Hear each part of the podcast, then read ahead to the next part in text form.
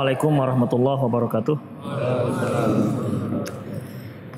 Innal hamdalillah nahmaduhu wa nasta'inuhu wa nastaghfiruh wa na'udzu billahi min shururi anfusina wa a'malina may yahdihillahu fahuwal muhtad wa falan tajida lahu waliyyan mursyida. Asyhadu an la ilaha wahdahu la syarika wa asyhadu anna Muhammadan abduhu wa rasuluhu alladzi la nabiyya ba'dah. يا أيها الذين آمنوا اتقوا الله حق تقاته ولا تموتن إلا وأنتم مسلمون يا أيها الذين آمنوا اتقوا الله وقولوا قولا سديدا يصلح لكم أعمالكم ويغفر لكم ذنوبكم ومن يطع الله ورسوله فقد فاز فوزا عظيما يا أيها الناس اتقوا ربكم الذي خلقكم من نفس واحدة وخلق منها زوجها وبث منهما رجالا كثيرا ونساء واتقوا الله الذي تساءلون به واتقوا الله الذي تساءلون به والأرحام. إن الله كان عليكم رقيبا أما بعد. إن أصدق الحديث كتاب الله وخير الهدي هدي محمد صلى الله عليه وسلم وشر الأمور محدثاتها وكل محدثة بدعة وكل بدعة ضلالة وكل ضلالة في النار. عن ابن عباس رضي الله عنه An Ibnu Abbas radhiyallahu anhu ma, annahu atahu rajulun faqala inni khatabtu mar khatabtu imra'atan fa'abat an tangkahani Ibnu Abbas kedatangan seorang laki-laki dan laki-laki itu berkata, "Aku melamar seorang wanita, tetapi dia menolak lamaranku." Wa khatabaha ghairi. Lantas datang laki-laki yang lain yang melamarnya. Fa ahabbat antang kahaha dan ternyata wanita tersebut menerima lamaran laki-laki laki-laki itu. Faghirtu alaiha faqataltuha maka aku pun cemburu dan aku bunuh wanita tersebut. Fahalli min taubah apakah ada pintu taubat untukku? Qal ummuka hayyun hayyah.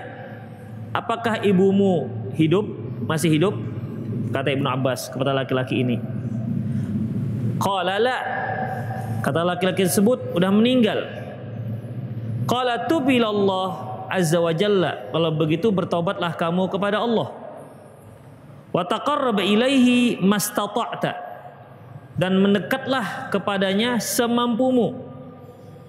Qala Atha bin Yasar, berkata Atha bin Yasar, "Fadhahabtu fasa'altu bin Abbas." Lantas aku pun pergi dan bertanya kepada Ibnu Abbas, "Lima sa'al tahu an hayati ummih?" Kenapa Anda bertanya tentang kehidupan ibunya? Tadi kan dia bertanya, Si laki-laki ini bertanya, "Aku membunuh seorang wanita karena cemburu." Lantas, kenapa engkau malah bertanya, "Apakah ibumu masih hidup?" Apa hubungannya? Ini membuat Atta bin Yasar penasaran, apa hubungannya? Dia bertanya, "Apakah masih ada tobat?" Kamu malah bertanya, "Apakah ibumu masih hidup?" Qala inni la a'lamu amalan aqrabu ila Allah azza wa jalla min birril walidah. Kata Ibnu Abbas, aku tidak mengetahui ada amalan yang paling mendekatkan diri seorang kepada Allah melebihi berbakti kepada seorang ibu. Ikhwatiddin rahimanallahu wa iyyakum, sebagian keterangan telah kita jelaskan di kajian yang lalu hadis ini. Di antaranya ikhwatiddin yang telah kita jelaskan bahwa di sini laki-laki tersebut muncul cemburunya kepada si wanita karena dia melamar nggak diterima, orang lain yang melamar malah diterima. Kemarin telah kita paparkan bahwasanya dari hadis ini menunjukkan bahwa boleh seorang wanita itu menolak lamaran seorang laki-laki kalau memang dia tidak berminat. Kalau memang dia tidak berminat. Walaupun laki-laki tersebut baik agamanya. Karena untuk menerima lamaran seseorang Pertama, dia orang yang soleh. dan yang kedua si wanita berminat. Adapun hadis yang menyebutkan idza ja'akum mimman tardawna dinahu wa khuluquhu fazawiju apabila datang kepada kalian seorang yang kalian suka terhadap agama dan akhlaknya maka nikahkan dia wa illa takum fil ardi fasadan wa illa takum fa illa takum fil ardi fasadan arid kalau tidak nanti akan muncul kerusakan di muka bumi. Dalam masalah ini ikhwatiddin apabila si wanita menolak menolak dikarenakan agamanya bagus. Seorang laki-laki yang soleh datang melamar dirinya. Dia katakan saya nggak berani menerimanya. Kenapa? Soleh kali dia. Sementara saya aja belum pakai jilbab. Takut nanti nggak sanggup untuk berseiring jalan dengan dia bergandengan tangan. Dia menolak dikarenakan kesolehannya. Dia menolak dikarenakan agama si laki-laki tersebut itu baru akan menyebabkan kerusakan di muka bumi. Ini sebagaimana yang dikatakan oleh Syekh Soleh Fauzan Fauzan uh, hafizahullah. Kemudian di Khofiddin di sini laki-laki tersebut membunuh si wanita. Ghirah dikarenakan kecemburuan. Mengenai cemburu ikhafiddin, cemburu itu terbagi pada dua. Ghiratu lil mahbub wa ghiratu alal mahbub. Ada dua jenis. Bahwasanya yang namanya cemburu itu ada dua. Ghiratu lil mahbub, cemburu untuk yang dicintai artinya cemburu untuk dikarenakan untuk membela orang yang dicintai ataupun sesuai dengan dicintai. Misalnya, apabila ada seorang yang memegang Al-Qur'an lantas dia hempas dan dia pijak-pijak, maka kita sebagai seorang muslim, mukmin harus cemburu terhadap Islam. Kenapa?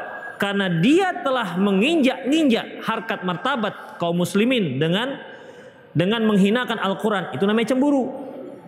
Ya. Termasuk cemburu. Kalau ada yang mengatakan bahwasanya satu surat dalam Al-Qur'an bohong misalnya. Ya bohong. Tidak seperti itu. Atau dikatakan Al-Qur'an itu bohong. Maka kita sebagai seorang muslim yang mencintai Al-Quran wajib cemburu. Cemburu untuk membela yang dicintai. Cemburu untuk membela yang dicintai. Misalnya, antum punya teman, teman sepengajian, bagus. Tiba-tiba dia dipukul orang, maka sebagai tanda kecemburuan kita, kita bela dia. Itu Khofiddin. Cemburu dengan membela orang yang dicintai. Ada yang al-ghiratu alal mahbub. Cemburu karena tidak ingin orang yang kita cintai ada yang mencintai. Nilai lagi ceritanya, cemburunya. Misalnya kita punya seorang istri Kemudian ada laki-laki lain yang mencintainya maka cemburulah kita. Itu namanya ghirah alal mahbub. Yang artinya kita cemburu karena tidak ingin orang yang kita cintai ada yang mencintai yang lain. Seorang istri memiliki seorang suami. Si suami banyak yang mencintainya. Dengan memberikan perhatian-perhatian yang membuat si istri merasa resah. Muncullah rasa cemburu. Maka ini termasuk cemburu yang apa? Al-mahbub al apa namanya? Al-ghiratu alal mahbub. Sebagaimana yang telah kita kisahkan ketika ketika Rasulullah sallallahu alaihi wasallam uh, ketika Rasulullah sallallahu alaihi wasallam berada di gilirannya Aisyah radhiyallahu anha Kemudian ada istri beliau yang lain. Fatimah binti Jahsh mengirimkan makanan. Lantas Aisyah radhiyallahu anha sengaja menyenggol, sengaja menampel makanan tersebut hingga jatuh berantakan. dan piringnya pun pecah. Rasulullah katakan, "Gharat ummukum." Bahwasanya ibu kalian sedang cemburu. Ibu kalian sedang cemburu. Dalam masalah ini Khafiddin, ini namanya al-ghirah lil apa alal? Alal mahbub. Kenapa? Karena pada saat itu giliran Aisyah radhiyallahu anha.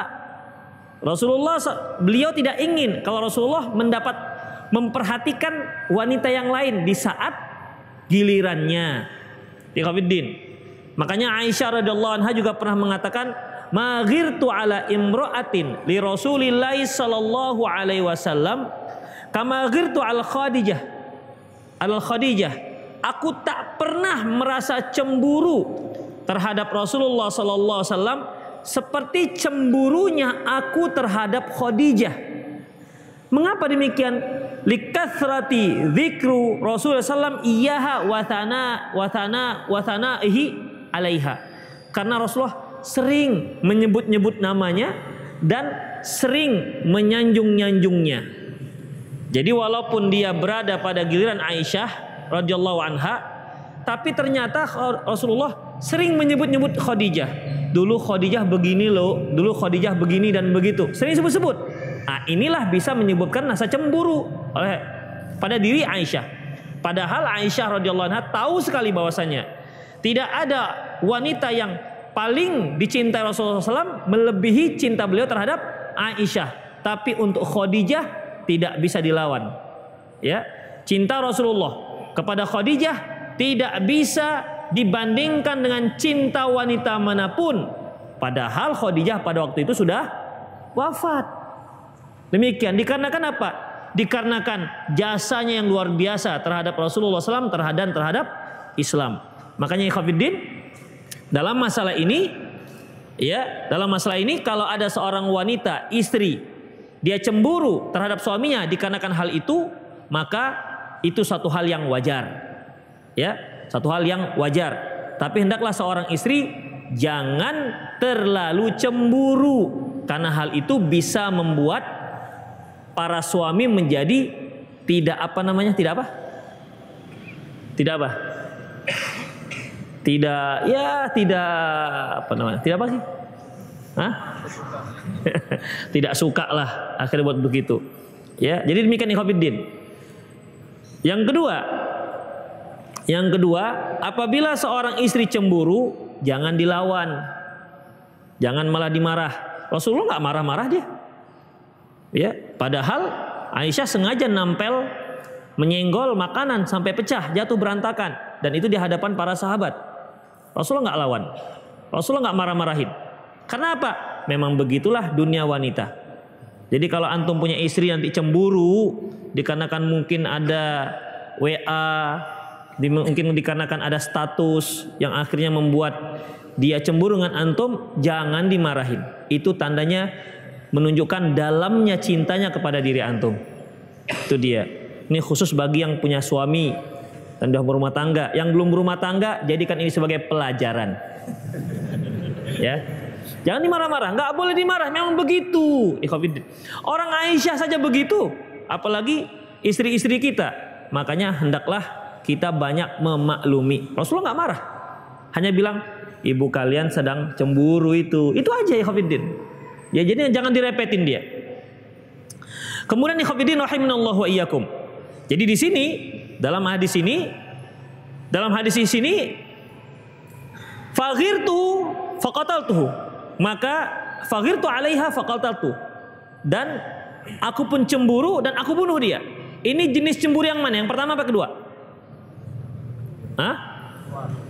Yang kedua apa istilahnya? Al-ghirah alal mahbub. Karena apa? Karena dia tidak ingin kok kok perempuan ini malah mau dilamar orang lain ketika aku yang lamar nggak mau dia. Ini berarti al ghirah alal alal mahbub. Salahkah laki-laki ini? Hah? Salah. Salah nggak dia bercemburu seperti itu? Cemburunya nggak salah. Bunuhnya salah. Ya terkadang ikhwatiddin bisa saja kita itu cemburu Rasa cemburu itu muncul. Misalnya seorang istri Kalau dia berjalan dengan suami, suaminya jarang melontarkan ucapan-ucapan yang romantis. Biasanya, "Dek, naik. Dek, turun." Hadap hadap kiri, hadap kanan, langkah depan, buka genteng misalnya begitu. ya. Sementara uh, yang suami yang lain misalnya kan, "Ayo, Dek, silakan, Dek. Ini Abang bantu." Misalnya begitu. Pelan-pelan ya, nanti lecet. Misalnya begitulah kira-kira kan. Nah, demikian. Tentu bahasa-bahasa seperti ini si wanita si wanita yang mendapat perlakuan dari suaminya yang yang apa nama datar dia juga kepingin sebenarnya. Seandainya saya punya suami seperti seperti dia. Nah, itu ya suami seperti dia. Ikhwafiddin rahimallahu wa iyyakum itu kan merupakan sebuah sebuah apa namanya sebuah keinginan ya. Dan itu bukan satu hal yang salah. Tapi ingat istri kalau sudah seperti ini jangan sebut-sebut nama suami itu bang. Seperti abang sebelah lah bang. Bang seperti abang sebelah lah bang. Nanti dia akan jawab kawin aja lah kau dengan orang sebelah itu. Jadi khafidin rahimanallah wa iyyakum di sini permasalahannya cemburu itu kadang-kadang bisa muncul tiba-tiba ya. Cemburu itu bisa muncul tiba-tiba. Dan itu suatu hal yang wajar muncul terhadap orang yang kita cintai. Hanya jangan sampai rasa cemburu tersebut membuat kita melakukan tindakan-tindakan yang di luar batas apalagi sampai melanggar syar'i sebagaimana dilakukan oleh laki-laki ini. Apa hak dia membunuh si wanita? Bukankah itu hak si wanita memilih mana laki-laki yang dia cintai dan mana laki-laki yang dia terima dan dia tolak?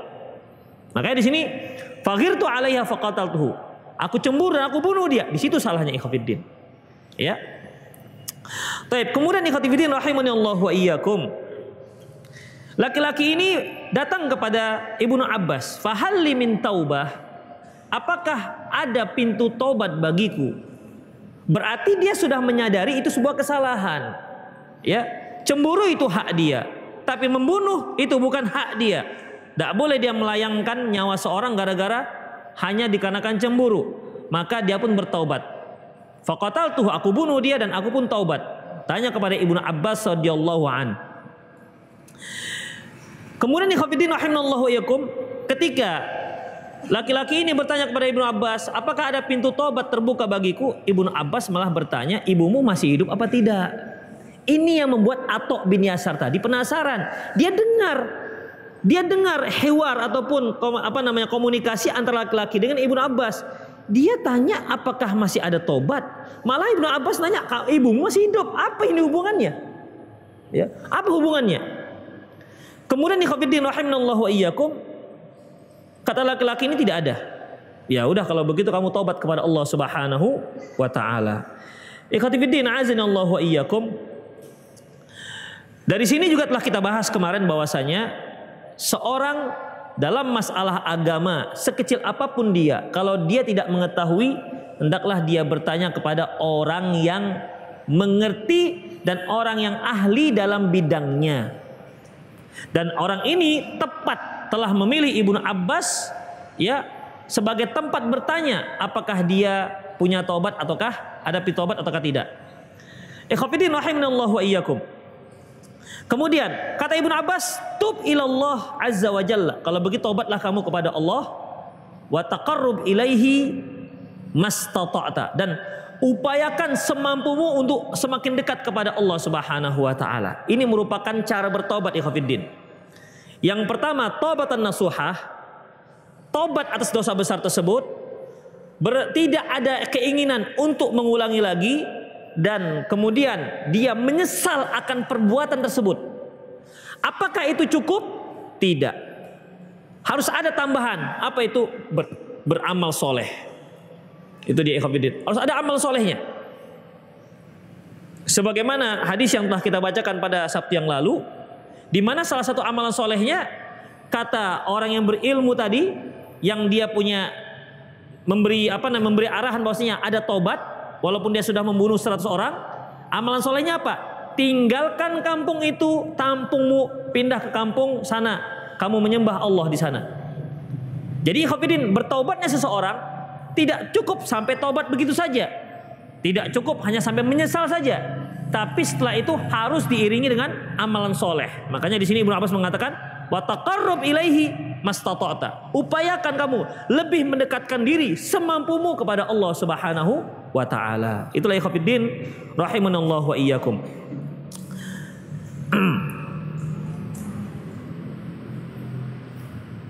Allah Subhanahu wa taala firman, "Wa aqimis salata tarafain nahar wa zulafam minas minal lail." Tegakkan salat di sebahagian pada siang hari dan pada malam hari. Innal hasanat yudhibna sayiat. Karena sesungguhnya kebaikan itu bisa menghilangkan keburukan-keburukan. Dzalika dzikra lidzakirin. Ini merupakan peringatan bagi orang-orang yang mau mengingat. Kemudian Rasulullah sallallahu alaihi wasallam juga bersabda, "Wa atbi sayyi'atil hasanata tamhuha." Kamu ikutilah perbuatan buruk itu dengan perbuatan baik. Tamhuha, perbuatan baik itu akan perbuatan baik tersebut akan menghilangkan perbuatan buruk. Jadi Khafiddin, setiap seorang bertobat kepada Allah tak cukup hanya tobat saja, dia harus berbuat ataupun beramal beramal soleh. Makanya illa mantaba wa amila soliha. Kecuali orang yang tobat dan beramal soleh. Ini dia cara orang untuk bertaubat. Kemudian Ikhwafiddin, kisah yang mirip, ya kisah yang mirip ini sama. Kisah ini yang mirip seperti ini ada terjadi, yaitu disebutkan oleh Imam Al-Hafiz Ibnu Katsir dalam kitab tafsirnya di mana ada seorang wanita dia ditinggal oleh suaminya. Sudah lama tak kunjung datang. Kemudian dia sudah sangat rindu dengan suaminya. Dia bertemu dengan seorang ibu dan dia ungkapkanlah ceritanya bahwasanya dia sangat rindu dengan suami yang telah pergi. Ia tak kunjung datang Kata si ibu ini, apakah kamu mau bertemu dengan suamimu? Ya katanya. Besok kamu bertemu dengan saya. Akhirnya besok dia bertemu dengan ibu ini dan di situ ada dua ekor anjing. Kata si ibu, kamu naik naiki satu ekor anjing ini dan aku naik satu ekor anjing ini.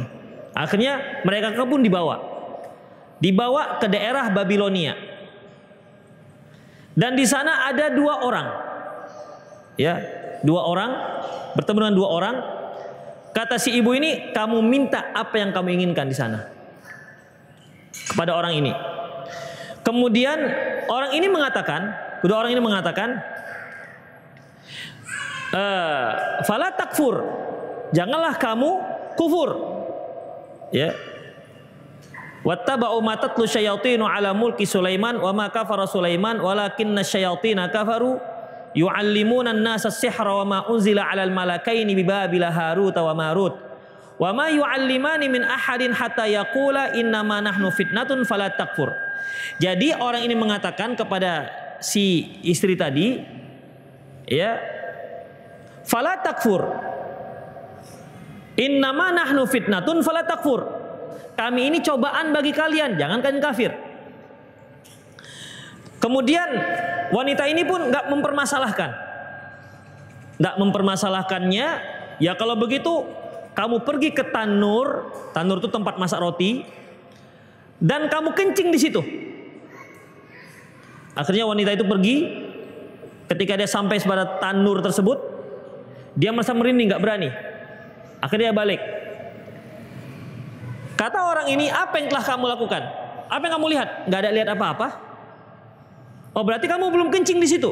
Udah, enggak, kamu belum kencing di situ. Akhirnya yang ketiga kalinya dia pun kencing di situ. Setelah pulang, ditanya, "Apa yang kamu lihat?" Saya melihat seorang eh, laki-laki uh, yang berkuda yang menutup kepalanya, tertutup kepalanya berangkat terbang. Udah. Kemudian nih Khofiddin kata laki-laki itu, itu adalah keimananmu. Artinya telah terbang dari dirimu. Semenjak itu Khofiddin, wanita ini kalau dia dapat bibit, eh bibit, tumbuhlah, tumbuh. Eh bibit jadilah ini jadi. Namanya juga jadi tukang sihir. Setelah tahu ikhwafidin seperti itu, menyesallah wanita ini. Kenapa? Karena dia tahu bahwasanya imannya sudah pergi. Karena kan orang yang belajar sihir kufur. Ya, wa ma kafara Sulaiman walakinna syayatin kafaru. Bukan Sulaiman yang kafir, tapi setanlah yang kafir. Yu'allimuna nasa sihir. Karena dia telah mengajarkan orang-orang ilmu sihir. Mereka yang mengajarkan ilmu sihir dan yang mempelajari ilmu sihir kufur. Hukumannya dorbatan bisef dipenggal kepalanya dalam Islam. Taib akhirnya wanita ini pun menyesal senyesal-nyesalnya. Kemudian dia ingin bertemu dengan Rasulullah Sallallahu Alaihi Wasallam dan dia pergi ke Madinah. Dan ternyata setelah sampai dia di Madinah, kaum muslimin pada saat itu sedang berkabung. Dia ingin bertemu Rasulullah. Pada waktu itu Rasul pada waktu itu kaum muslimin di Madinah sedang berkabung, berkabung karena baru saja Rasulullah wafat. Ya, berkabung baru saja Rasulullah wafat. Akhirnya wanita ini menangis sejadi-jadinya. Gimana ini jadinya caranya? Sementara dia mau tobat. Kemudian ditanyalah wanita ini. Ya. Fahal ummukah ummuki hai? Apakah ibumu masih hidup? Sama seperti yang kisah Ibnu Abbas ini Khofiddin. Artinya ternyata memang pendekatan kita kepada Allah Subhanahu wa taala itu yang paling mudah yaitu dengan cara berbakti kepada seorang ibu. Taib. Kita lanjutkan ikhwatiddin Allah wa iyyakum. Kemudian fadhahabtu setelah selesai fatub ilallah, udah kamu taubat kepada Allah dan mendekatlah sebagus sedekat-dekatnya kepada Allah. Kemudian qala Atha bin Yasar berkata Atha bin Yasar fadhahabtu fasa'altu Ibnu Abbas. Kata Atha bin Yasar, maka setelah itu aku bertanya, aku pergi dan bertanya kepada Ibnu Abbas. Berarti Khafiddin di sini menunjukkan bagaimana adab seorang tolabul ilmi. Ketika laki-laki ini bertanya apakah ada pintu tobat bagiku karena dia telah membunuh si wanita yang tidak yang menolak lamaran dia. Kemudian Ibnu Abbas malah bertanya tentang ibunya masih hidup apa tidak. Ini didengar oleh Atok bin Yasar dan dia sangat penasaran. Namun dia bersabar menunggu selesai orang ini. Makanya Khofiddin ketika ada kajian muncul sebuah pertanyaan yang membuat antum penasaran, sabar, jangan tunjuk tangan motong kajian ustadz. Ya, ini atau bin Yasar nggak motong dia. Uh, Ibnu Abbas, bentar, bentar, bentar. Apa hubungannya? Apa gitu? Dia nggak motong, dia biarkan. Ya, fadhahabtu fasal Ibnu Abbas. Barulah setelah itu aku tanya Ibnu Abbas, Lima saal tahu min ummi min hayati ummi. Ya Ibnu Abbas, kenapa Anda tanya tentang ibunya hidup apa tidak? Apa hubungannya? Kemudian inilah a'lamu amalan aqrabu ilallah azza wa jalla min birril walidah. Kata Ibnu Abbas, aku tidak mengetahui ada amalan yang lebih cepat mendekatkan seseorang kepada Allah melebihi bakti seorang anak kepada ibunya. Itu Khofiddin. Jadi menurut Ibnu Abbas, sholat, zakat, haji, sesungguhnya bakti kepada orang tua itu lebih cepat mendekatkan dia kepada Allah Subhanahu wa taala. Dan ini juga Ikhafiddin termasuk adabnya Ibnu Abbas. Ibnu Abbas mengatakan, "Inilah a'lamu." Aku setahuku itu bahasanya. Setahuku tidak ada amalan yang lebih cepat mendekatkan seorang kepada Allah melainkan berbakti kepada orang tua. Ibnu Abbas nggak mengatakan tak ada satu amalan pun. Gak disebutkan begitu. Tak ada satu amalan pun yang lebih mendekatkan diri kepada Allah melebihi bakti pada orang tua. Enggak. Tapi dia katakan ketidaktahuan dia. Menurutku, setahuku. Karena ikhwafiddin, kalau kita tidak tahu, belum tentu tidak ada. Makanya orang Arab mengatakan ada mulai ilmi laisa ilmu bil adam. Tidak diketahui, tidak kita tidak mengetahui bukan berarti sesuatu itu nggak ada. Banyak yang banyak hal yang nggak kita ketahui. Tapi bukan berarti sesuatu itu tidak ada. Ibnu Abbas mengatakan inilah a'lamu. Setahuku aku nggak tahu. Setahuku tidak ada. Setahuku berarti. Ya, berarti Ibnu Abbas di sini mengukur hal itu menurut ilmu yang dia dapati. Dia tidak mengatakan tidak ada, begitu, nggak mengatakan begitu. Karena kalau tidak ada berarti tidak ada amalan yang lain. Ya, di sini Ibnu Abbas Ikhwanuddin memberikan standar bahwasanya se menurut sepengetahuan Ibnu Abbas. Ini merupakan akhlak Ikhwanuddin. Jadi kalau antum bisa ditanya seorang sementara antum juga merasa kurang kurang paham atau se, sepaham saya begini, begitu harusnya. Jangan ketika tanya, oh nggak ada, haram, ada, oh nggak ada, nggak ada. Kalau saya nggak tahu berarti nggak ada itu. Nggak boleh seperti itu, Khofiddin. Ini kurang adab namanya terhadap ilmu. Tapi ikut tuh Khofiddin uh, hadis yang dari Ibnu Abbas radhiyallahu anhu. Tapi kemudian hadis berikutnya. Hadis berikutnya yaitu dari Sa'id Al-Qaisi dari Ibnu Abbas kalau dia berkata, "Ma min muslimin lahu walidan musliman yusbihu ilaihima muhtasiban illa fatahallahu babaini yakni minal jannah wa in kana wahidan fawahidun." Ibnu Abbas mengatakan, tidaklah seorang muslim memiliki dua orang tua yang muslim lantas setiap pagi dia berbakti kepada keduanya mengharapkan pahala dari Allah kecuali Allah akan bukakan untuk dia dua pintu surga. Apabila orang tuanya hanya tinggal satu berarti hanya satu pintu surga. Wa in aghdaba ahaduhuma lam yardallahu anhu hatta yarda anhu. Kalau dia membuat murka orang tuanya, maka Allah ri murka kepadanya sampai orang tuanya memaafkan si anak. Kila ditanyakan, wa in zalamahu ya Rasul ya, ya, ya Ibn Abbas, apakah walaupun orang tuanya tersebut telah menzalimi si anak? Qal wa in zalamah walaupun orang tuanya telah menzaliminya. Di sini Khafiddin perlu kita perhatikan ada orang tua yang menzalimi anaknya. Ya, ada yang seperti itu. Karena nggak semua orang tua juga yang mengerti syariat syariat Allah. Ya, walaupun ini sangat sedikit, tapi ada orang tua yang seperti ini, menzolimi anaknya, tidak memberi nafkah anaknya, menyia-nyiakan anaknya. Iya, ada. Lantas, apakah si anak boleh menimpalinya juga dengan kezoliman? Jawabannya haram, nggak boleh. Ya, makanya di sini disebutkan kalau si orang tua, seorang anak nggak boleh membuat murka orang tuanya. Karena murkanya orang tua, murkanya Allah. Bagaimana kalau seandainya orang tua yang zalim? Ya, walaupun orang tua yang menzalimi, dia tetap bersikap baik, berbakti kepada kedua orang tua. Kan bisa saja ikhwafiddin. Antum pulang ngaji, begitu pulang tokok botol kepala antum. kan sudah mama bilang, jangan ngaji. Misalnya begitu. Ya, ini kan sebuah kezoliman maka antum nggak boleh cari botol tokok kepala mama juga. Nggak dibolehkan. Udah astagfirullah begitu. Demikian. Atau antum pulang mendapat satu pelajaran. Ngomong dengan bicara dengan orang tua. Orang tua mengatakan, ah itu enggak. Oh bapak enggak. Enggak boleh. Artinya suara dia lebih kuat dibandingkan suara bapaknya. Enggak boleh ikhwafiddin. Ya.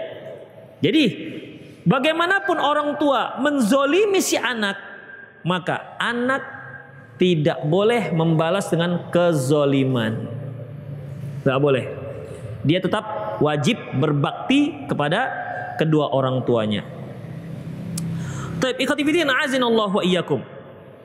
Allah Subhanahu wa taala firman. Ya Allah Subhanahu wa taala firman dalam surah Luqman ayat 15 Wa in jahadaka ala an tusyrika bi ma laisa laka bi ilmun fala tuti'huma. Apabila mereka berusaha untuk mengajakmu agar berbuat syirik kepada Allah, fala tuti'huma. Jangan kalian taati. Tetapi begitu pun wasahibuhuma fid dunya ma'rufah, tapi kamu tetap harus berbuat baik kepada mereka semasa di dunia. Itu orang tua yang musyrik. Saya teringat dengan kisah Sa'ad bin Abi Waqqas. Ketika dia baru masuk Islam, marah sekali ibunya.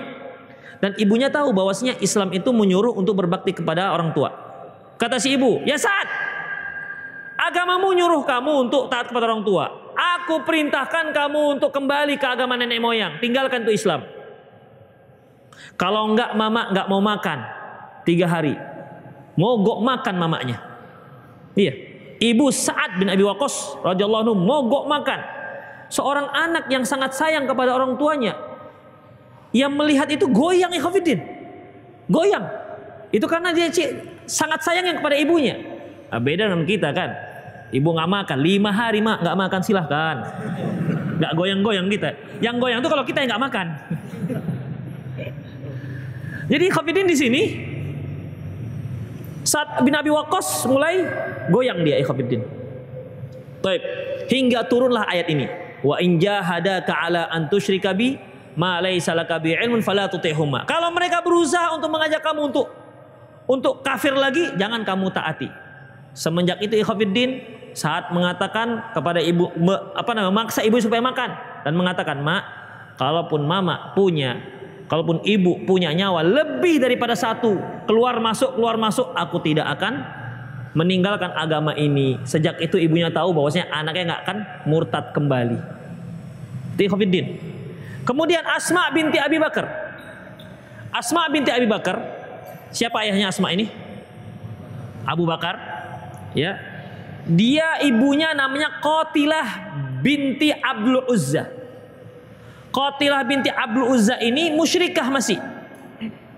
Ya. Dan dia sudah bercerai dengan Abu Bakar. Dari hasil pernikahan Qatilah binti Abdul Uzza dengan Abu Bakar yaitu Asma binti Abi Bakar. Abu Bakar dan Asma sudah masuk Islam tapi ternyata istri Abu Bakar ini yang Qatilah gak mau masuk Islam. Suatu hari Qatilah binti Abdul Uzza, ibu daripada Asma binti Abu Bakar, mantan istri Abu Bakar, ingin datang menjenguk putrinya, mungkin karena rindu. Itu Asma. Asma memikir, berpikir, ini kan musyrik. Apa perlu dia datang-datang ke rumah saya? Lantas Asma bertanya kepada Abu Bakar, ya kepada Rasulullah, ya Rasulullah, ibuku musyrik. Dia mau datang menjengukku apakah masih perlu aku menyambung tali silaturahmi dengan dia? Apa kata Rasulullah? Siliha, sambunglah tali silaturahmimu dengan dengan emakmu. Jadi Khafidin kesimpulannya bahwasanya walaupun kedua orang tua kita musyrik atau kafir, kita sebagai seorang muslim tetap wajib untuk bersikap baik terhadap mereka, berbakti kepada mereka selama yang mereka minta tidak melanggar syariat. Kalau dia bilang, nah belikanlah mama gula setiap minggu 10 kilo. Ya ma, insya Allah gitu. Kalau mamanya musyrik atau mamanya masih kafir, nggak bisa kita katakan, ma kalau mama mau gula masuk Islam dulu.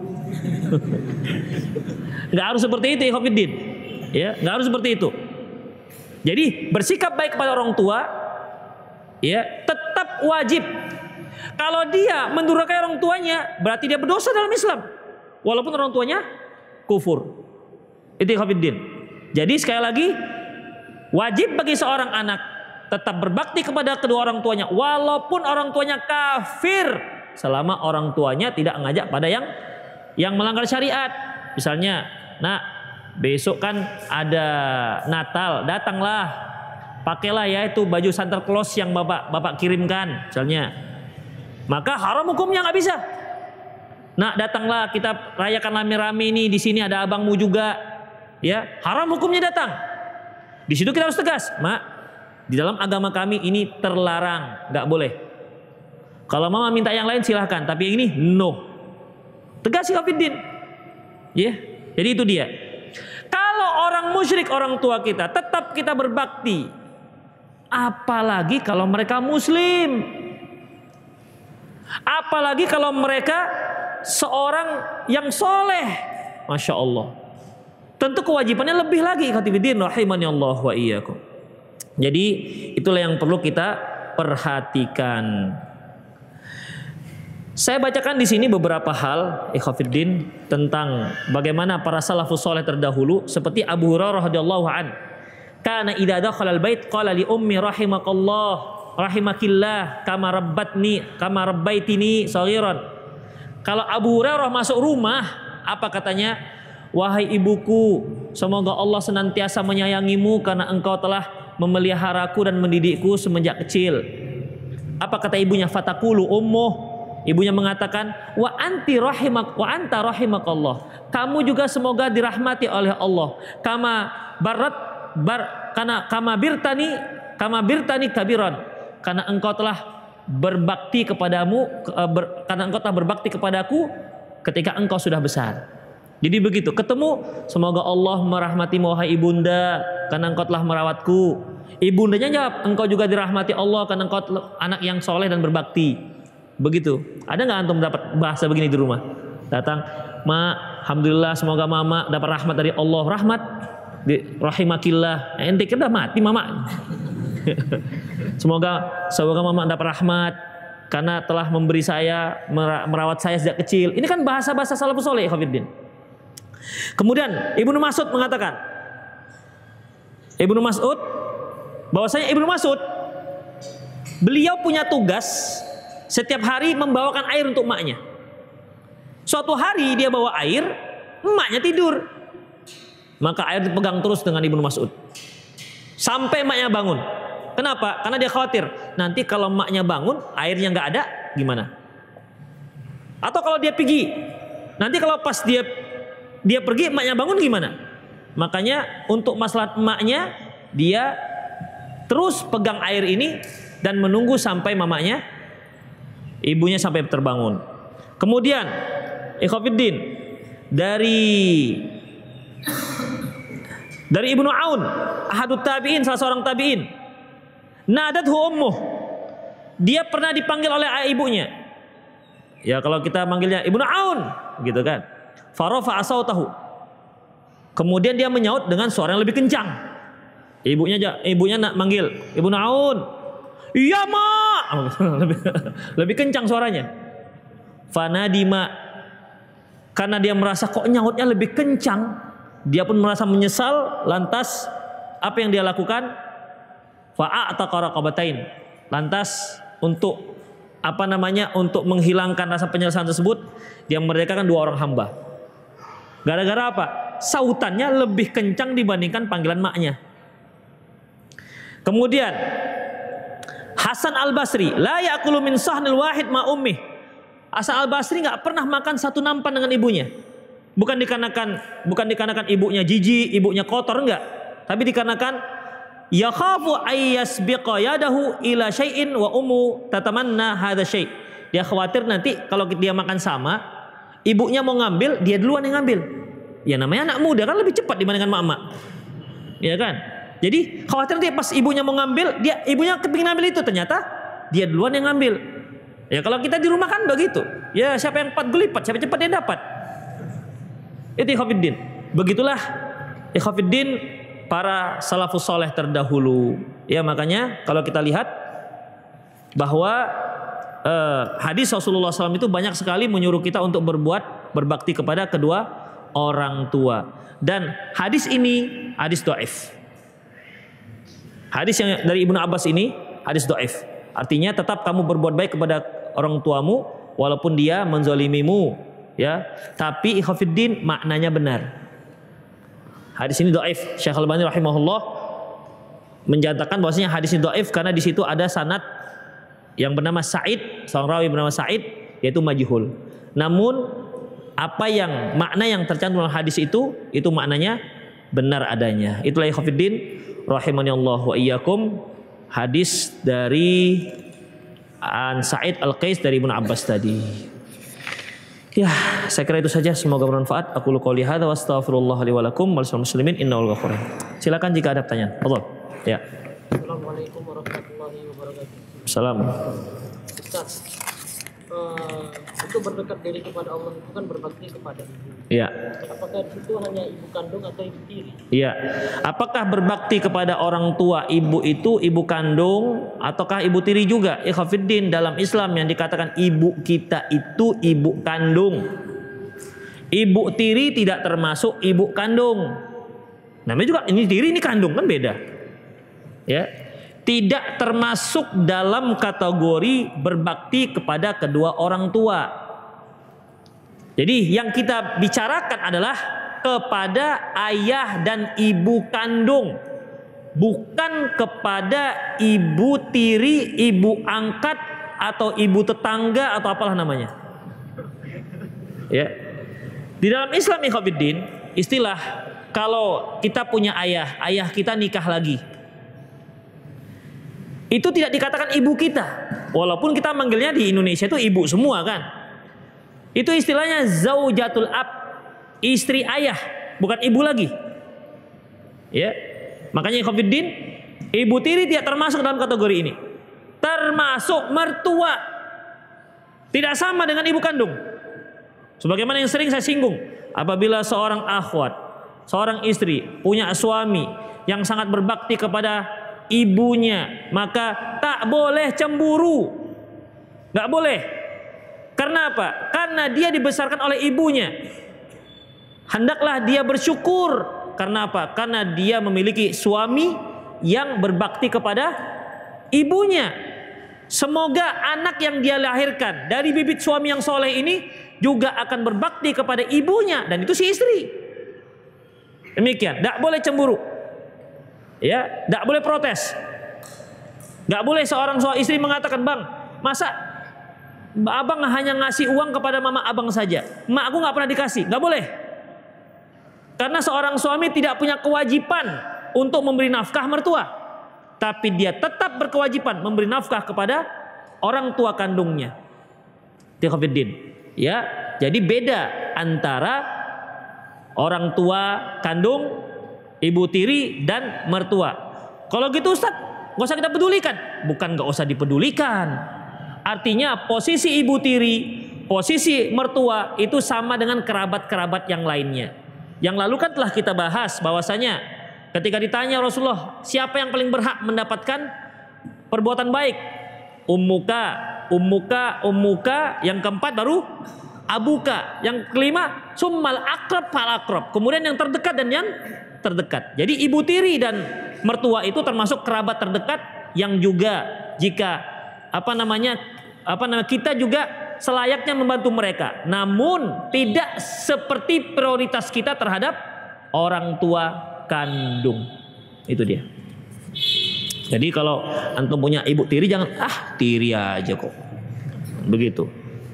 Ustaz, bagaimana kisah dari keluarga Lukman yang ada dalam Al-Qur'an?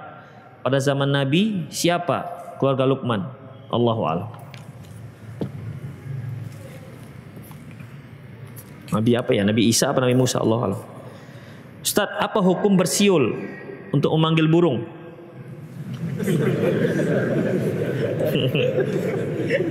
iya.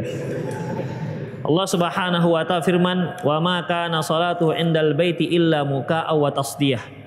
Tidaklah sembahyang mereka, salat mereka di Ka'bah itu kecuali dengan tepuk tangan dan bersiul-siul.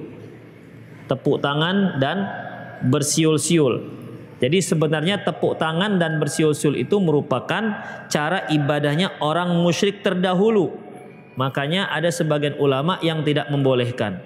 Hanya saja ikhafiddin rahimani Allah wa iyyakum Allahu alam bisawab sepengetahuan saya tidak seperti itu. Hukum asalnya tetap hukum asalnya tetap boleh. Ya. Oh, bukankah menyerupai ibadah orang musyrik? Iya. Buktinya ikhafiddin tetap boleh apabila seorang imam salah dan ingin di, dan sementara seorang wanita ingin mengingatkan imam, apa yang dia lakukan? Bertepuk kan? Ya at-tasbih lirijal wa tasfiqul nisa. Tasbih subhanallah itu untuk kaum laki-laki, wa tasfiqul nisa bertepuk untuk wanita. Berarti juga bertepuk di sini berlaku. Tandanya hukum asalnya boleh. Ya. Bagaimana dengan bersiul? Allahu alam bisawab juga sama. Allahu alam bisawab. Sama. Selama untuk yang hal yang dibolehkan. Tapi kalau antum menggunakan siulan untuk memikat seorang wanita itu baru nggak boleh. Ya, misalnya wanitanya perkutut misalnya. ya, karena digunakan untuk hal yang tidak dibenarkan. Yang mana tahu ada peletnya kan? Ada peletnya, dikeluarkannya suaranya suara perkutut, akhirnya wanita itu pun keplek setelah itu itu nggak dibolehkan. Ustaz, bagaimana nasihati teman yang mengikuti manhaj khawarij. Ikhafiddin menasihati dengan cara yang terbaik, dengan cara yang terlemah lembut. Kalau nggak pandai, kasihkan aja buku sudah. Ya, kasihkan buku. Dialog dengan dia. Apa masalah dia? Di mana subhat yang dia dapati? Kalau antum nggak bisa menjawab subhatnya, kasihkan aja buku. Carikan buku biar dia baca. Bagaimana waktu Fajar Sodik di Indonesia? Fajar Sodik itu Khafiddin, Fajar ada dua. Fajar Sodik ada Fajar Kadib. Fajar Kadib itu di saat cahayanya itu dia apa namanya meluncur ke atas. Sementara ufuk belum belum beredar di ufuk. Adapun Fajar Fajar Kadib, uh, Fajar Sodik di saat sudah cahayanya menebar ke ufuk, itulah masuknya waktu subuh. Bagaimana Indonesia? Antum tengok aja sendiri. Empat perkara yang hendak dilakukan anak untuk kedua orang tuanya yang sudah meninggal, mendoakan kebaikan orang tua untuk untuk orang tuanya, sedekah jariah, menyambung silaturahmi. Lalu yang mau anak tanyakan perkara nomor dua beristighfar. Bagaimana cara beristighfar kepada orang tua yang sudah meninggal?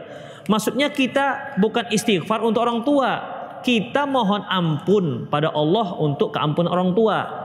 Rasulullah Wasallam juga pernah mohon kepada Allah agar Allah memintakan ampun untuk orang tuanya, untuk ibunya. Tapi Allah Subhanahu Wa Taala tidak mengizinkan. Demikian juga Nabi Ibrahim pernah berdoa kepada Allah agar Allah mengampuni. Itu istighfarnya Ibrahim untuk orang tuanya. Wa ma kana istighfaru Ibrahim li abihi illa amma wa'idatan wa'adaha iyyah. Tidaklah istighfar Nabi Ibrahim untuk ayahnya kecuali dikarenakan karena dia pernah karena dia pernah berjanji untuk mohon kepada Allah semoga Allah mengampuni dosanya. Falamma tabayyana lahu annahu aduwwun lillahi tabarra amin. Tapi setelah dia mengetahui ayahnya ini musuh Allah, maka dia pun berlepas diri, nggak boleh. Allah juga menyebutkan wa ma kana lin nabiyyin wal mu'minina ayastaghfiru lil musyrikin walau kanu ul qurba. Tidaklah layak bagi seorang nabi dan orang orang mukmin memintakan ampun untuk orang-orang musyrik walaupun dia adalah kerabat sendiri. Jadi yang dikatakan istighfar kita mohon kepada Allah agar dosa ibu kita, dosa ayah kita diampuni oleh Allah Subhanahu wa taala. Itu maksudnya. Amalan yang dicintai Allah salat tepat waktu, berbakti kepada orang tua, jihad fisabilillah. Bagaimana seorang istri yang lebih utama berbakti kepada orang tua atau suami? Rasulullah SAW mengatakan, Lau kuntu amiran ayas sudah ahadun li ahadin la amartu imra'atan antas li zaujiha. Seandainya aku dibolehkan untuk menyuruh seseorang agar sujud kepada orang lain, maka yang pertama sekali aku perintahkan si istri sujud kepada si suami. Mengapa demikian? Li'azami haqqi 'alaiha dikarenakan besarnya hak suami terhadap sang istri. Jadi ketika orang tua mengatakan, "Nak, datanglah besok ke rumah mama Si suami mengatakan, "Dah usah, Dek." Misalnya, maka dia wajib mentaati suami, bukan mentaati ibunya. Bukan mentaati ibunya. Kecuali kalau sang suami menyuruh perbuat buruk. Misalnya, "Dek, dah usah kau pijak-pijak lagi rumah ibumu." Dah usah tegur-tegur dia. Dah usah telepon-telepon dia. Ini berarti dia menyuruh bermaksiat, yaitu menyuruh memutuskan silaturahmi dan itu hukumnya haram la ta'ata la ta'ata li makhlukin fi ma'siyatil khaliq. Tidak ada ketaatan pada makhluk dalam rangka mendurhakai Allah. Karena Allah yang menyuruh. Jangan sampai kita itu memutus tali silaturahmi, apalagi terhadap orang tua. Maka tidak dibolehkan. Tapi Ustadz saya mendapat ancaman nanti akan dicerai. Ya kalaupun seperti itu Khafiddin berarti itu dosanya dosa suami. Dan kalaupun masih bisa curi-curi, telepon, apa silahkan, tidak apa-apa ya itu dia khafiddin jadi tetap dalam kategori ketaatan pada suami dalam koridor diizinkan oleh syariat seorang istri lebih taat kepada suaminya ketimbang orang tuanya dalam hal-hal yang dibolehkan saya sering berbuat dosa saat menyendiri apa yang saya harus lakukan Ustadz karena saya tidak bisa berhenti dari berbuat dosa saat sendiri. Ikhafiddin kuatkan tauhid Kuatkan tauhid. Karena apa? Ketika kita meyakini bahwa saya innallaha sami'un basir. Sesungguhnya Allah itu maha mendengar lagi maha melihat. Maha mendengar lagi maha melihat. Artinya walaupun kita dalam keadaan sendiri maupun dalam keadaan beramai-ramai Allah itu melihat. Ya. Kita ketahui bahwasanya kita berbuat dosa di hadapan orang dan kita dosa berbuat dosa di di dalam kesendirian, ya. Itu merupakan dosa dan Allah mengetahuinya. Kuatkan tauhid kita. Minta kepada Allah semoga Allah Subhanahu wa taala menguatkan tauhid kita. Banyak ibadah kepada Allah, banyak istighfar kepada Allah. Itu ikhwatiddin. Jadi untuk meninggalkan perbuatan kebiasaan sir, kebiasaan rahasia ini, dia perbanyak ibadah. Perbanyak ibadah kepada Allah Subhanahu wa taala. Karena bagaimanapun innal hasanat yudhibna sayiat. Sesungguhnya kebaikan dapat me menghilangkan, menyingkirkan keburukan. Wa atbi sayyatil hasanata tamhuha. Ikuti perbuatan buruk dengan perbuatan baik tamhuha perbuatan baik ini akan menghilangkan yang buruk. Makanya ya Khafiddin ketika kita merasa ada punya kebiasaan yang sulit kita tinggalkan maka perbanyak ibadah kepada Allah perbanyak doa perbanyak sholat sunnah perbanyak infak. Semoga kebiasaan itu bisa sedikit demi sedikit bisa hilang dari kita. Itu Khafiddin ya. Dan mungkin juga bisa yang kedua kalau memang sendirinya seperti itu jangan sering-sering sendiri Ya, jangan sering-sering sendiri. Selama dibolehkan tidur ya bersama yang lain. Tapi kalau ke WC jangan pula rame-rame. Ketika sudah bercerai, apakah suami boleh meminta ambil paksa mahar yang sudah diberikan kepada istri? Tak boleh haram hukumnya. Ya, nggak boleh. Seorang suami yang telah memberikan maharnya itu berarti dia telah memberikan hadiah kepada sang istri. Dengan mahar itu dia telah menghal menghalalkan yang haram. Udah, kalau dia minta setelah dia cerai, dia minta berarti dia sebagaimana sabda Rasulullah mereka yang mengambil kembali apa yang telah diberikan sama seperti anjing yang menjilat muntahnya kembali. Haram hukumnya. Ya. Maka suami seperti ini mirip anjing yang makan muntahnya sendiri, tak dibolehkan. Kecuali kalau hulu si wanita minta cerai, maka si wanita wajib mengembalikan maharnya. Tapi kalau si suami yang mencerai, maka tidak dibolehkan suami mengambil kembali mahar yang telah dia berikan. Kecuali kalau istri memberikan, nggak masalah. Fa inti benalakum ansyai'in nafsan fakuluhani amaria. Kalau si istri memberikan dengan kerelaan hatinya silakan kalian makan. Misalnya si suami memberikan mahar 10 gram emas. Setelah selesai akad pernikahan, bulan pertama, bulan kedua kata si istri, "Bang, ini yang 10 gram ini kan mahar saya ini. Iya dek, udahlah untuk abang aja silahkan.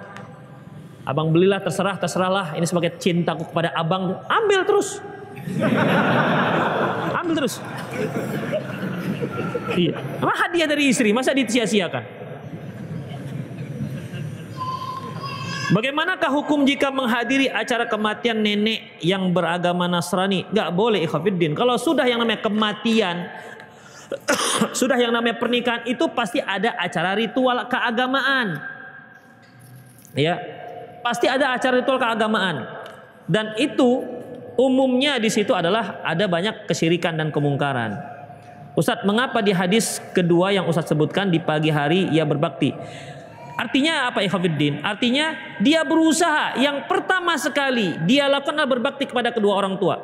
Kita Ikhwanuddin sebagai anak Kan sering terkadang kita merasa jengkel. Apalagi ketika kita sekolah, mau bangun, mamanya kan bangun nak, bangun, bangun, bangun begitu. Diseret-seret kita sementara kita masih ngantuk. Ya, disuruh bangun untuk sholat, disuruh bangun untuk sekolah, disuruh bangun untuk apalah. Itu kan banyak pagi hari. Tanyakan pada mama-mama. Pekerjaan yang paling repot itu pagi hari.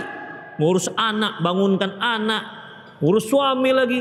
Ya, kalau anak masih mendingan, pakai baju sendiri. Tapi suami bisa, Pak, pakai baju sendiri. Ambil kaos kaki sendiri kan enggak? Para suami ini kan lebih mengkek dia ketimbang anaknya. iya. Kalau si anak bilang, "Mak, mana sepatu awak? Carilah sendiri." Coba suaminya, "Dek, mana sepatu?" Bisa, cari sendiri. Kan enggak bisa. Demikian Ikhwanuddin. Banyak yang mereka urus ketika pagi hari itu Ikhwanuddin. Banyak sekali. Makanya kejar sana kejar sini kalau ibu-ibu ini.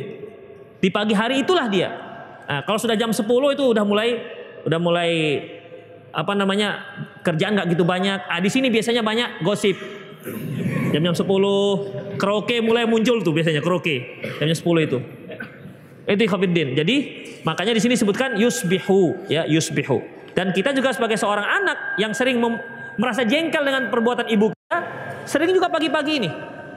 Ya, jadi maksudnya kita utamakan berbakti kepada orang tua. Artinya tetap di pagi hari pun kita berusaha yang pertama sekali kita berbakti kepada kedua orang tua. Makanya seorang akhwat pagi-pagi hari bangun cepat, cuci tuh piring.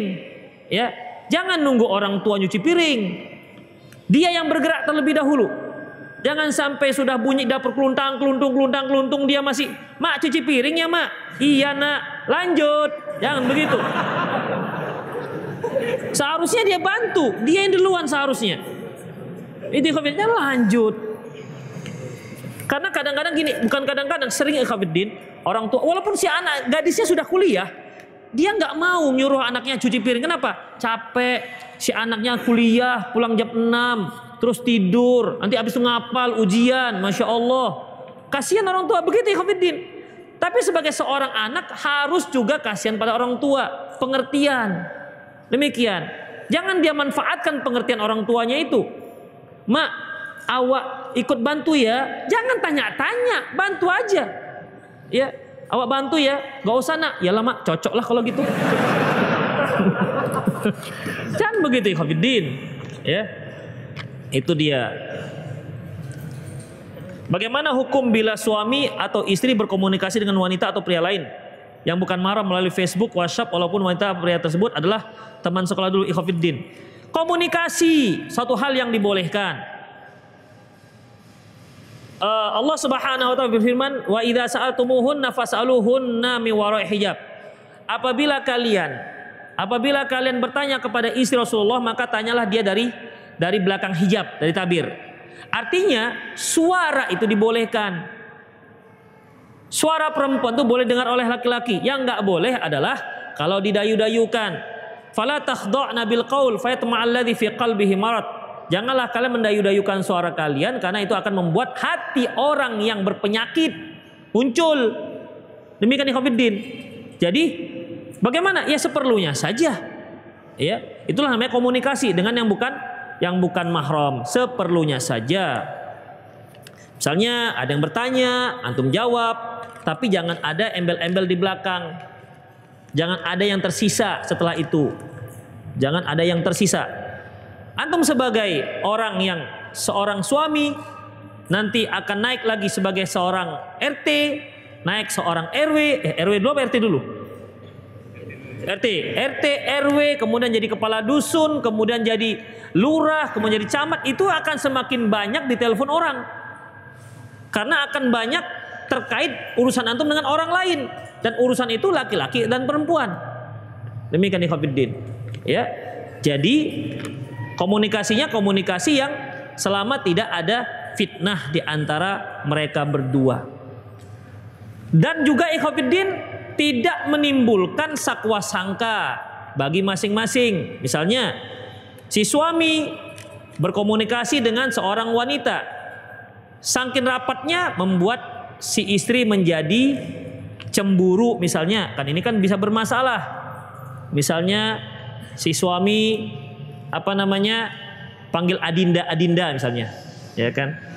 Assalamualaikum adinda. Ya kan artinya adik artinya. Ya kan? Adik artinya. Tapi hal ini kalau di dibaca istri kan jadi meriang istri. Adinda apa ini bang? Udah kecuali kalau antum katakan ananda masih mendingan atau cucunda tersayang misalnya. Berarti antum menempatkan dia sebagai kakek. Tapi kalau adinda itu masih masih banyak artinya. Itu Khofiddin, ya.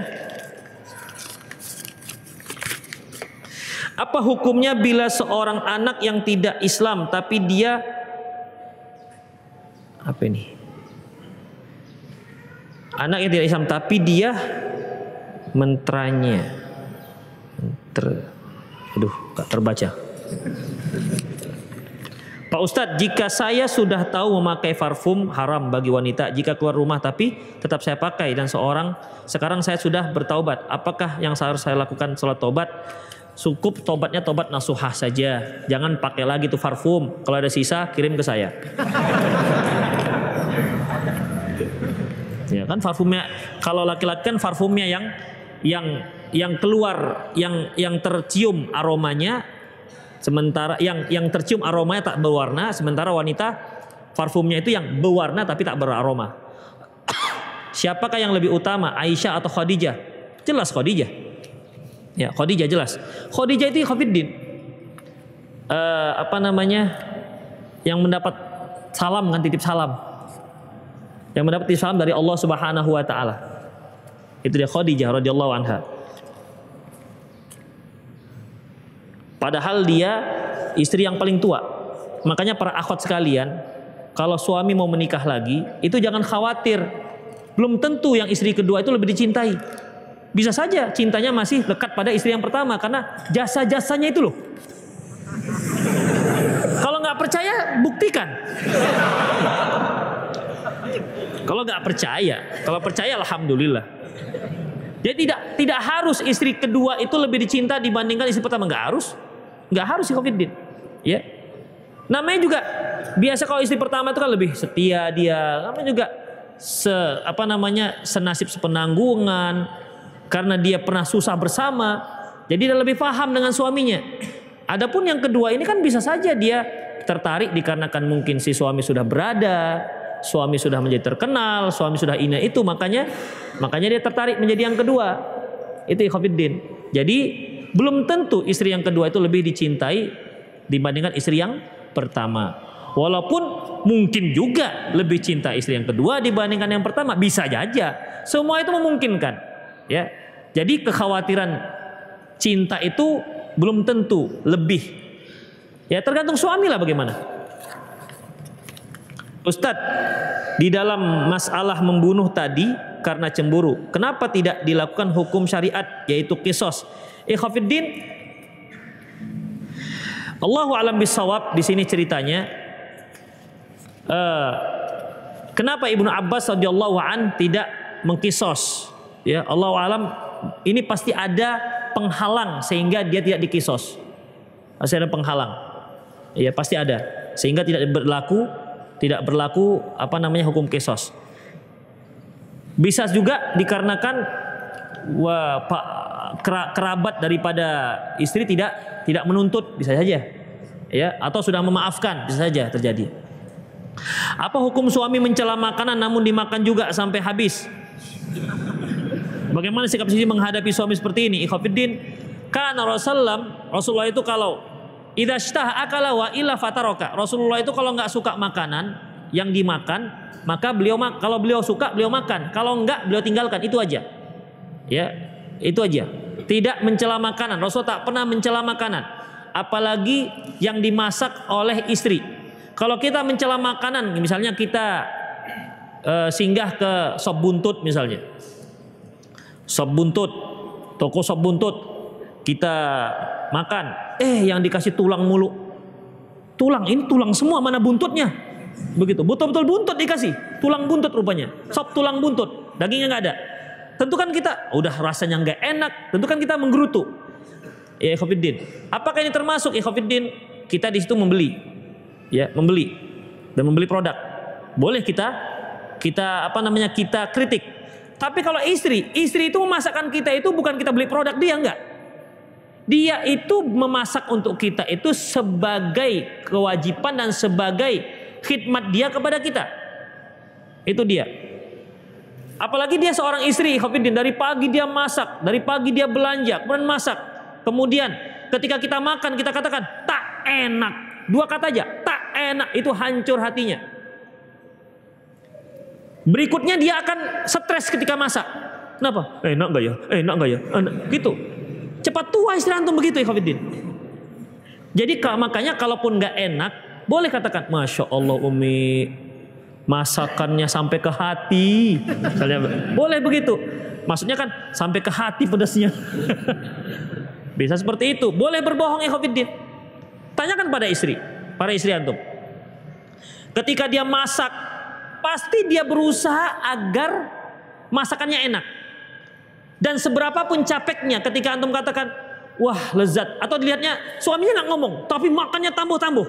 Itu ikhwatiddin Tiga hari tiga malam hilang semua rasa capeknya. Itu dia. Itulah dia para istri.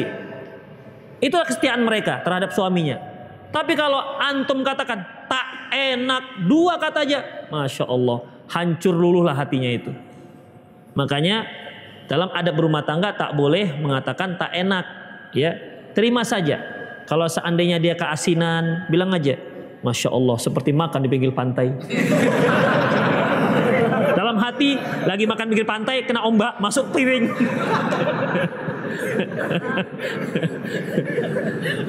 Jadi boleh Khafiddin. Jangan ya, jangan mencela. Kasihan para istri kalau antum cela. Kalau nggak suka ya sudah tinggalkan saja. Itu ketika kita makan, kita nggak cela, kita tinggalkan saja. Itu pun sudah sebenarnya sudah gimana gitu mereka rasakan. Kenapa ya? Kita makan sedikit, biasanya antum makan tiga piring, tiba-tiba seperempat piring kali ini. Itu bagaimanapun sudah terasa. Nggak usah pakai ngomong loh, nggak usah pakai ngomong.